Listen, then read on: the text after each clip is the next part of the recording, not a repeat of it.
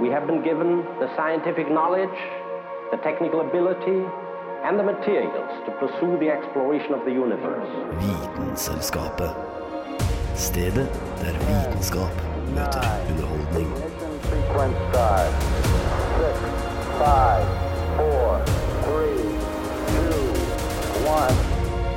It's one small step for man. One giant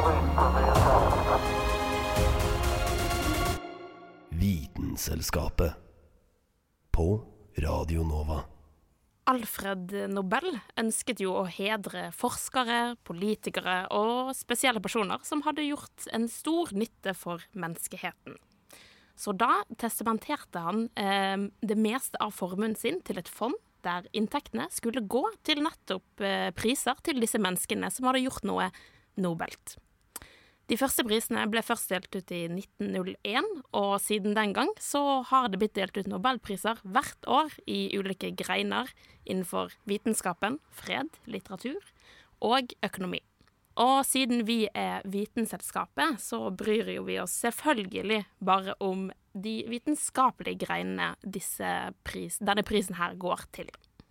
Så i dag så skal vi altså ta dere gjennom noen av årets vinnere, og også noen eldre. Med meg i studio så har jeg eh, Kristin Gridland. Hei, hei. Hallo. Og også Carl Adams Kvam. God dag, god dag.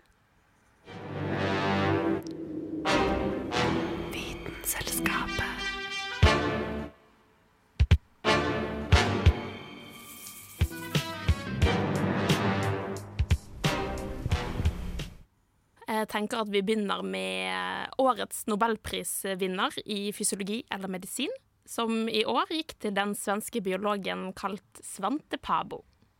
Og han fikk denne prisen for hans forskning og arbeid på DNA-et, eller genomet, da, på um, til utdødde menneskearter, og også evolusjonen av oss mennesker. Og det han gjorde, eh, var noe som på den tiden virket egentlig umulig. Eh, nemlig det å klare å sekvensere DNA fra neandertalerne. Altså en utdødd menneskeapeart. Og i tillegg til dette så klarte han også å eh, finne eh, en tidligere ukjent annen menneskeapeart kalt denisova. En ukjent mennesketype? Ja. Som er utdødd, eller som Ja, lever blant oss? Den lever ikke blant oss. Det er fortsatt bare Homo sapiens av menneskeapene som er på vår klode per dags dato. Men han eh, altså, fant en beinbit i Sibir og klarte da å hente ut DNA fra denne, og oppdaget da, etter han hadde sekvensert DNA-et der, at dette her var verken Homo sapiens eller eh, neandertaler, men det var altså en helt ny eh, menneskeape som ingen hadde sett før. Eller helt gammel, da. Eller en veldig, veldig, veldig gammel, som det jo var. Men um, han her eh, Svante Pabo, um, han eh, begynte med disse, av de, noen av de største oppdagelsene sine på slutten av 1990-tallet. Og på denne her tiden så var jo nesten det hele menneskelige genomet allerede sekvensert. Og da kunne jo man for første gang begynne å studere de genetiske forskjellene og likhetene mellom forskjellige mennesker, altså uh, ulike populasjoner av oss mennesker. Og det her syns jo han Svante var veldig fascinerende over denne muligheten disse genetiske metodene vi hadde fått til. Så da tenkte han at eh, da har jo jeg også lyst til å prøve å eh, studere DNA-et til neandertalerne, altså en utdødd menneskeart. Og det var dette her som er, eh, iallfall på den tiden, eh, virket å være nærmest umulig, fordi eh, over tid så vil da DNA bli modifisert og degradert til mange små fragmenter istedenfor en lang eh, strimle eller alfahelix som vi vanligvis eh, kjenner det til. Så, derf- så det, var, det var mer som eh, hvis du finner eh, masse puslespillbiter Mhm. litt sånn rundt omkring, Ja. eh, framfor å ha alt ferdig pusla. Ja, i, ja istedenfor et komplett bilde, på en måte. Men eh, han klarte jo det til slutt, for i 2010 så var han den første som eh, publiserte da hele genomet til eh, neandertalerne. Og eh, ut ifra dette så klarte han da å, ved å analysere disse DNA-sekvensene, så klarte han å se at eh, neandertalerne var genetisk forskjellige fra oss mennesker, eller Homo sapiens, da. Men det han også så, det var at um, rundt 1-4% av genomet uh, hos oss mennesker fra Europa og Asia stammer fra neandertalerne. Så det har altså skjedd en uh, genflytt fra Homo sapiens, eller ja, mellom Homo sapiens og neandertalerne. En genflyt. Ja, det hørtes var- veldig klinisk ut. Det høres ut som de eh, har liksom På folkemunne så betyr det at de har fått barn sammen. Det er det. Det er rett og slett det. Og i tillegg til det, denne her nye, eller den eh, Denisova, den andre menneskeapearten som han eh, klarte å oppdage, um, klarte han også å sekvensere ut eh, DNA-et fra denne arten, og så også her at det har vært genflytt, eller folk har fått barn, um, mellom da Homo sapiens og Denisova. Men har det noen effekt på oss i dag? Eh, hvis vi er litt grann eh, neandertaler eller Denisova? Denisova, ja. Um, det er jo noen fysiologiske effekter i form av at uh, vi har utviklet oss Det er jo en grunn for at vi er her i dag, på en måte. Det har jo vært det sterkeste som har vunnet, så det har vel noe en effekt at vi har litt neandertalisk gener i oss. Men uh, hoved, eh, på en måte, arbeid eller funnet hans har jo gjort at vi har fått en ny forståelse av vår evolusjonære historie. Fordi da vi, Homo sapiens, utvandret fra Afrika for rundt 70 000 år siden, så var det altså to andre menneskeaper ute i verden. Der neandertalerne var hovedsakelig i vest, og Denisova var hovedsakelig i øst. Så da vi utvandret fra Afrika, så eh, bodde vi jo da side om side med disse to andre menneskeartene. Um, ja, og så har vi fått barn med de, da. Rett og slett. Så i det minste delvis eh, fredelig naboskap, kan man kanskje tro. Ja, inntil vi bare utryddet de, da. Siden det var jo Eller kanskje de døde en naturlig død, og vi ikke utrydda dem i det hele tatt. det, Ja ja, det, hvis du vil se fint på det. Uh, jeg tror ikke det, men uh, det er nå sånn det var. Vitenselskapet. Vitenselskapet på Radio Nova.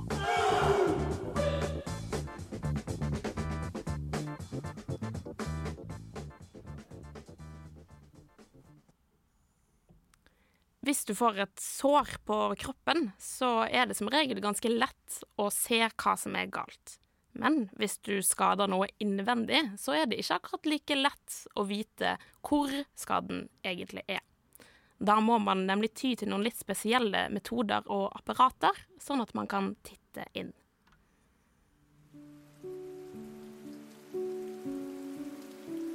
Femte dagen på rad med regn, og du ser ingen ende på det. Du må bare tre på deg regnstøvlene og begi deg ut på den lange ferden til butikken for å sanke inn dopapir til kollektivet. Alt av mulig papir er brukt opp, og du står uten noe annet valg. Ute høljer det ned, så du så vidt ser hvor du går. Du skal akkurat til å gå over veien, og så hører du plutselig at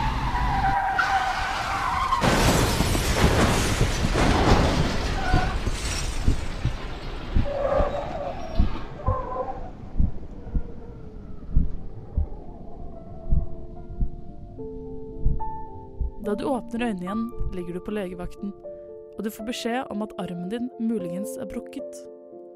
Legene må ta et todimensjonalt bilde av innsiden av kroppen din, også kjent som en røntgenundersøkelse. Men hvordan får de til å ta et slikt bilde uten å åpne deg helt opp?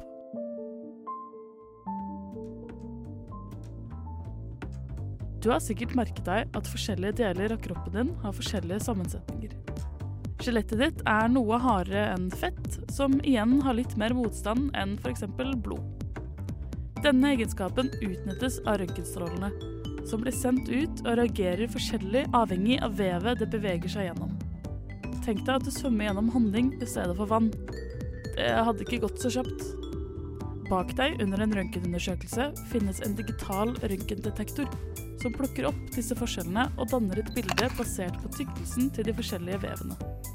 Bildet du sitter igjen med, er av gråtoner. hvor sort representerer luft, altså veldig gjentrengelig vev, og beinvev og kalk ser helt hvitt ut, siden det er veldig ugjentrengelig. Vann faller sånn cirka midt på skalaen, og er derfor ganske grått. Det endelige bildet som dannes, kan brukes til å diagnosere pasienten, enten det er å finne brukne bein eller vann i lungene.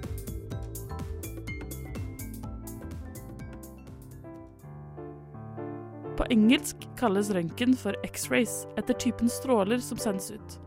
Mens vi her i Norge har valgt å kalle det etter oppfinneren, Wilhelm von Røntgen. Selv om han selv ikke ville ha navnet sitt blandet opp i strålene.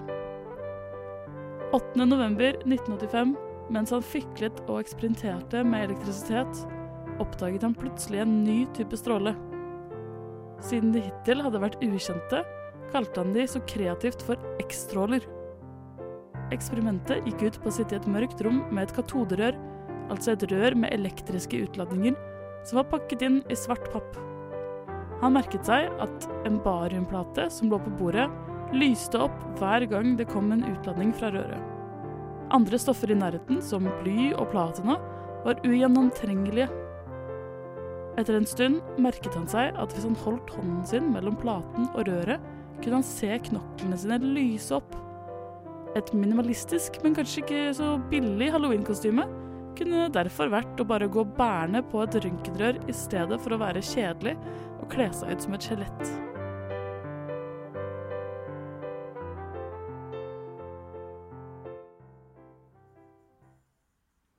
Herr Røntgen gikk selv ut med karakteren svært dårlig i fysikk, men endte til slutt opp med nobelprisen i, i faget.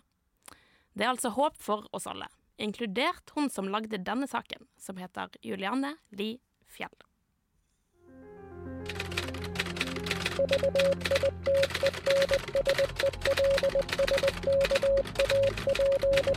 Just want to tell you both good luck. We're all counting on you. И пусть посмеются над своими страстями. Ведь то, что они называют страстью, на самом деле не душевное, Vitenselskapet а лишь трение между душой и внешним миром. knekker vitenskapens koder. Good job. Yes, neste nobelprisvinner heter Mr. Sadeh. Eller Ja, det tror det er noe sånt nå. Skulle kanskje trodd han var trønder ut ifra at han heter Sodd, men eh, Soddy. det er Mr. Soddy. Frederick Soddy, som var en brite. Eh, Han fikk eh, fysikkprisen, han òg, men i 1921, da. Så det begynner å bli ei lita stunt òg. Og hvis de skal ta verbatim hva han fikk prisen var, for det For his contribution to our knowledge of the chemistry of radioactive substances and his investigation into the origin and nature of isotypes. mm. Så her er det mye godt å ta tak i. Eh, kan jo begynne litt tidligere i karrieren hans. På starten av 1900-tallet så var han i Canada og jobba med en godeste Ernst Rutherford. Han er jo en bauta innen vitenskapen. Eh, og i Canada så da drev de og forska på radioaktive stoffer. Eh, og så prøvde å finne ut hvorfor de er så fryktelig rare, da. For de oppfører seg jo ikke som vanlige stoffer. Det er jo ikke det samme som bly, sjøl om bly er heller ikke noe du vil tulle for mye med, da. Eh, og da eh, fant de ut at det er fordi det, alle radioaktive stoffer har radioaktiv stråling. Eller da decay, som det heter på engelsk. Eh, og det er jo forskjellige måter de forgjenges på, de radioaktive stoffene. Men det de fant ut, da, var at de er jo ikke stabile, og det er noe som skjer inni der. Jeg trenger kanskje ikke å gå gift inn i kjernefysikken, men det her var jo òg på et ganske tidlig stadium. Eh, Jeg er jo litt misunnelig på at de kunne bare si ja, men det, er jo stråling.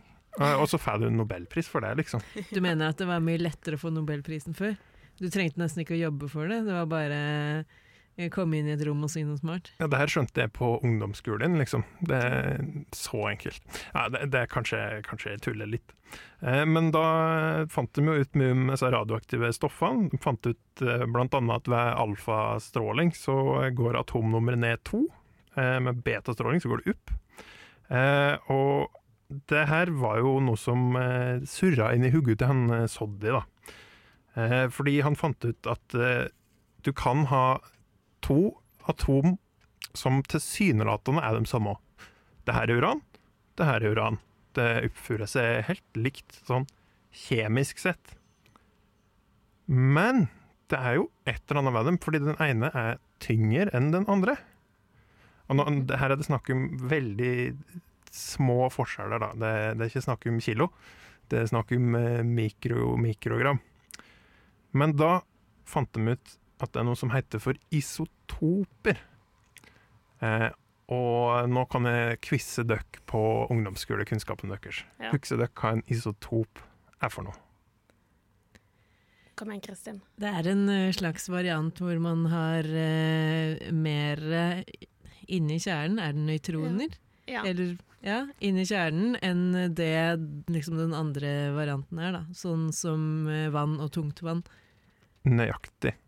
Eh, så da en isotop, eh, så eh, i et eh, atom så har du et visst antall protoner i kjerna og elektron som kretser rundt. Eh, antallet proton bestemmer jo hva slags grunnstoff det er. Så hvis det er ett proton, så er det hydrogen. Men hvis du har et proton og et nøytron, så er det ikke akkurat det samme som hydrogen. Det er hydrogen, men det er en isotop, så da er det nesten, men har litt forskjellige egenskaper. For eksempel hvis du da bruker eh, hydrogen med et, L, et L2 ekstra nøytron, så får du tungt vann når du slår det i hop med oksygen. Eh, og det er jo praktisk hvis du skal lage atombomber. Eh, og isotop eh, sier faktisk noe om eh, hva som han klarte å finne ut videre, da.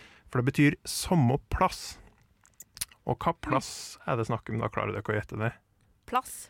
I det periodiske system. Oi, det er imponerende, Kristin. Det er Ja, helt jeg, riktig. jeg føler meg on fire i dag. Du leser manuset til Carl, jeg ser det. En snik. Eh, han har et veldig lite manus med en veldig liten lapp. Umulig for meg å se. Mm. Ja, riktig. Det er en liten jukselapp. Eh, og det betyr jo da at eh, den skjønte at OK, men oss kan ikke ta det her ut ifra vekta. Fordi de skal jo samme plassen. Men fram til han eh, godeste Soddy begynte å tenke på det her, så hadde de bare sett på atomvekta. Og da gikk oss i stedet over til atomnummer. Og da ser oss på Ja, du tenker på når de lagde det periodiske system, så så de på vekta, og Ja. så nå fant de ut at øh, øh, det var kanskje ikke så smart allikevel. Ja, det er 'close but no cigar', som da, det er sikkert den godeste Soddy sa. Eh, så da begynte man å se på antallet proton i stedet. Eh, og da får du jo mye mer fullstendig og oversiktlig inntrykk av det periodiske systemet. Og da kan du i tillegg utlede ting litt eh, mer sikkert framover. Så eh, det er først og fremst eh, isotopens far, den godeste Fredrik Soddy, kan huskes som. Hæla i taket med Vitenselskapet.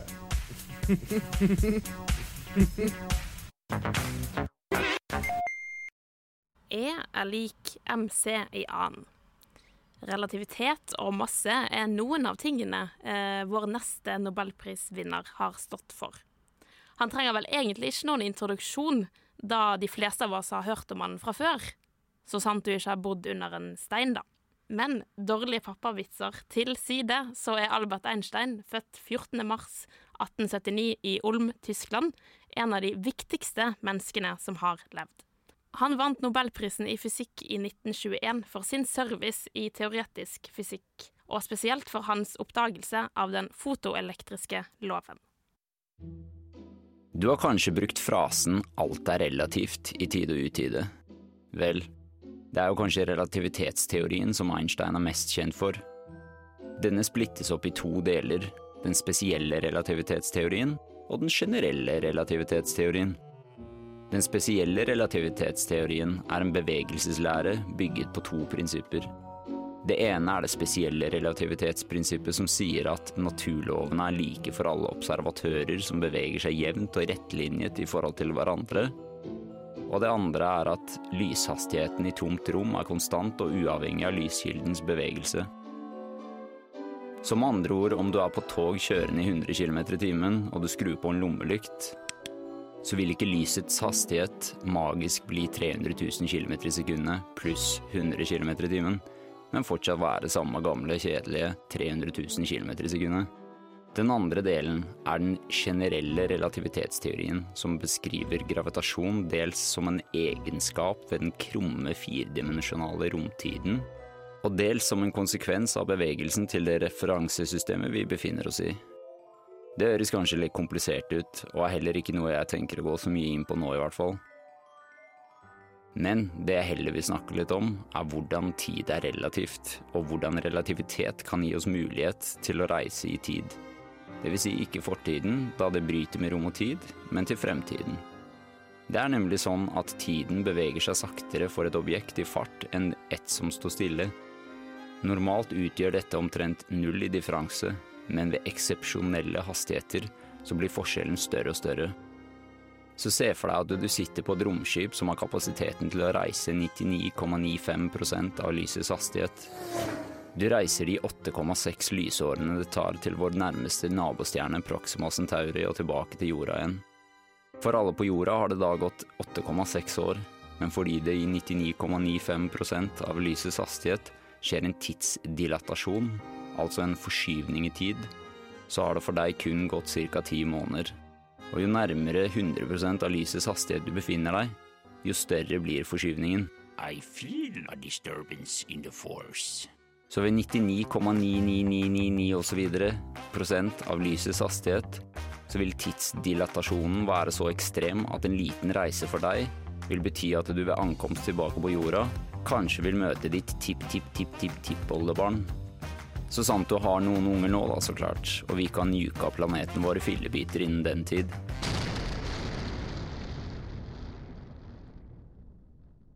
Denne saken ble laget av Christoffer Ramage. Å vite vet Vitenselskapet.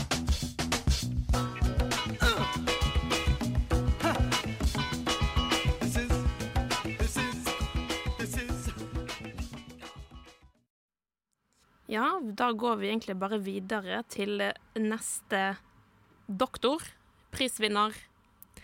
Eh, Det gjør vi. Eh, Vi skal litt tilbake i tid. Vi skal til 2011, hvor eh, den israelske kjemikeren Daniel Shechtman eh, vant da nobelprisen i kjemi. Ja.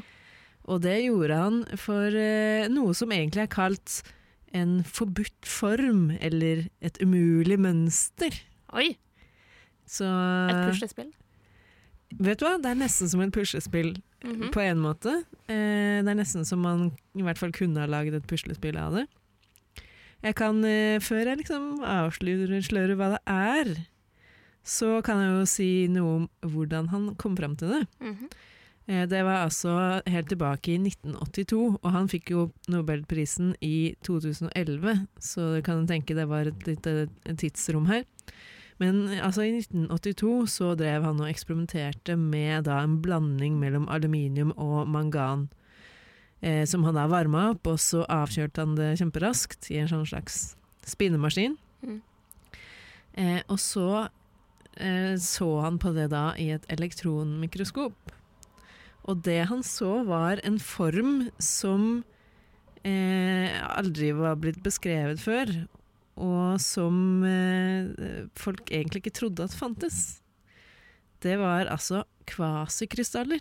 Er det noen her som har hørt om kvasikrystaller? Jeg vet ikke.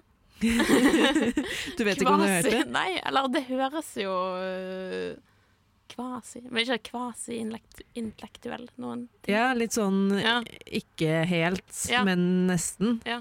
Eh, og det er jo for så vidt litt sånn riktig tolkning av det, fordi eh, krystaller er jo altså i sin form, da, i, per definisjon omtrent, så er det eh, presise eh, mønstre. Det er altså helt nede på atomnivå, så er det da eh, atomer som ligger i en viss formasjon, da. Eh, I motsetning til andre typer former som man gjerne kaller amorfe, f.eks. Mm. glass eh, kan være en am amorf eh, materiale eller ja. struktur. Mm. Mens du har eh, krystaller med helende egenskaper, eller ikke, eh, som, som har en veldig sånn kantete struktur, da. Og krystaller eh, de kan bare dannes i mønster som er tokanta, trekanta, firkanta og sekskanta. Ikke noe annet. Okay. Men det han fant, var femkanta. Femkanta krystallsk eh, form. Eh, ingen kunne jo tro at dette her var mulig, og det gjorde det ikke heller. Så når han da presenterte sånn Hei, folkens, eh, se hva jeg har funnet, da. Så var det bare sånn Nei, vet du hva. Det her Det er jo bare tull. Mm. Det går jo ikke an. Det er jo Det er den forbudte form, da. Fordi det liksom bryter med alle andre lover, på Det bryter med- det, altså, det brøt med de teoriene Ja. og de reglene som man hadde for krystallsk eh, form da, på den tiden. I tillegg til at det er jo femkanta, akkurat som eh, djevelens i stjerne-pentagrammet. Jeg vet ikke om det hadde så mye å si, men i hvert fall det, det var litt furore da når han kom ut med dette her. Og han ble til og med bedt om å slutte i det teamet sitt, fordi det ble så mye eh, Ja, hva skal vi si? Faglig uenighet. Faglig uenighet, også kalt konflikt. Ja. Eh, så han slutta der, men han ga seg jo ikke. Fordi han mente jo at han hadde funnet en da kvasi-krystall. Eh, og det mønsteret som han da fant, viser seg at det var ikke et helt sånn ukjent mønster. Man kan finne det igjen i sånn arabisk mosaikk. I, i Alhambra, for eksempel. Eh, sånn at det Det var ikke liksom et helt nytt konsept, da. Men det som er litt spesielt med det, er at det det er et bestemt mønster, men mønsteret gjentar seg ikke. Å nei. Eh, og det var da veldig spesielt Ja, med det, der kvasidelen kommer fra, kanskje. Det kan godt hende, det. Det er en slags sånn blanding. Eh, krystall og ikke krystall, på en måte. Mm. Men eh, han holdt jo på dette at det var eh, kvasikrystaller, og han hadde funnet det. Og til slutt så fikk han jo anerkjennelse for det, Ja. til og med nobelprisen i kjemi. Ja. Eh, bare nesten 30 år senere. Ja, så Det er likevel en søt hevn til de kollegaene han hadde en faglig diskusjon med. Mm, hans haters. Ja. Og det viste seg jo også at når de først hadde fått øynene opp da, for at det, det fantes kvasikrystaller, så begynte man å lete etter dem andre steder, og fant Mm. at de til og med finnes ute i naturen. Altså at det finnes naturlig, og ikke bare sånn skapt i et laboratorie. Da. Men nå kan dere lure på Ok, kvasokrystaller, den uh, forbudte form, det umulige mønster. Mm. Eh, hva skal man bruke det her til? Ja, det lurte jeg òg på.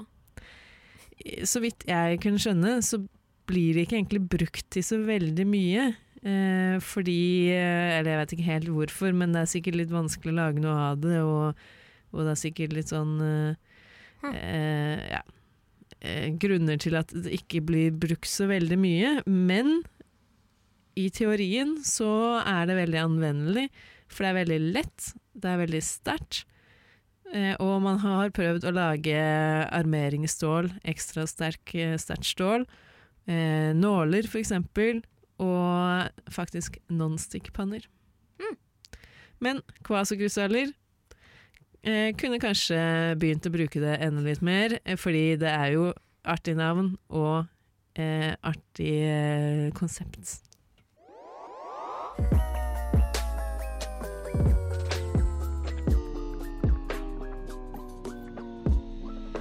Vitenselskapet.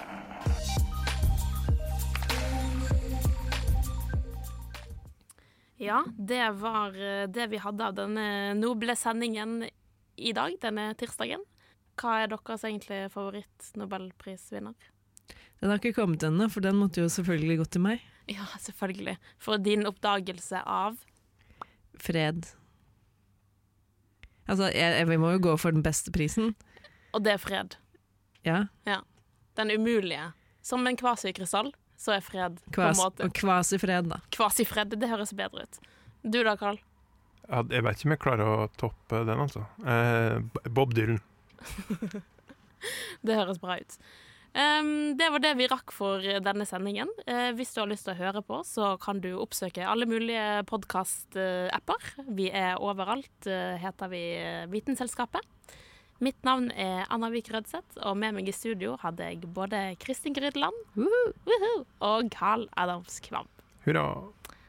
Ha det bra.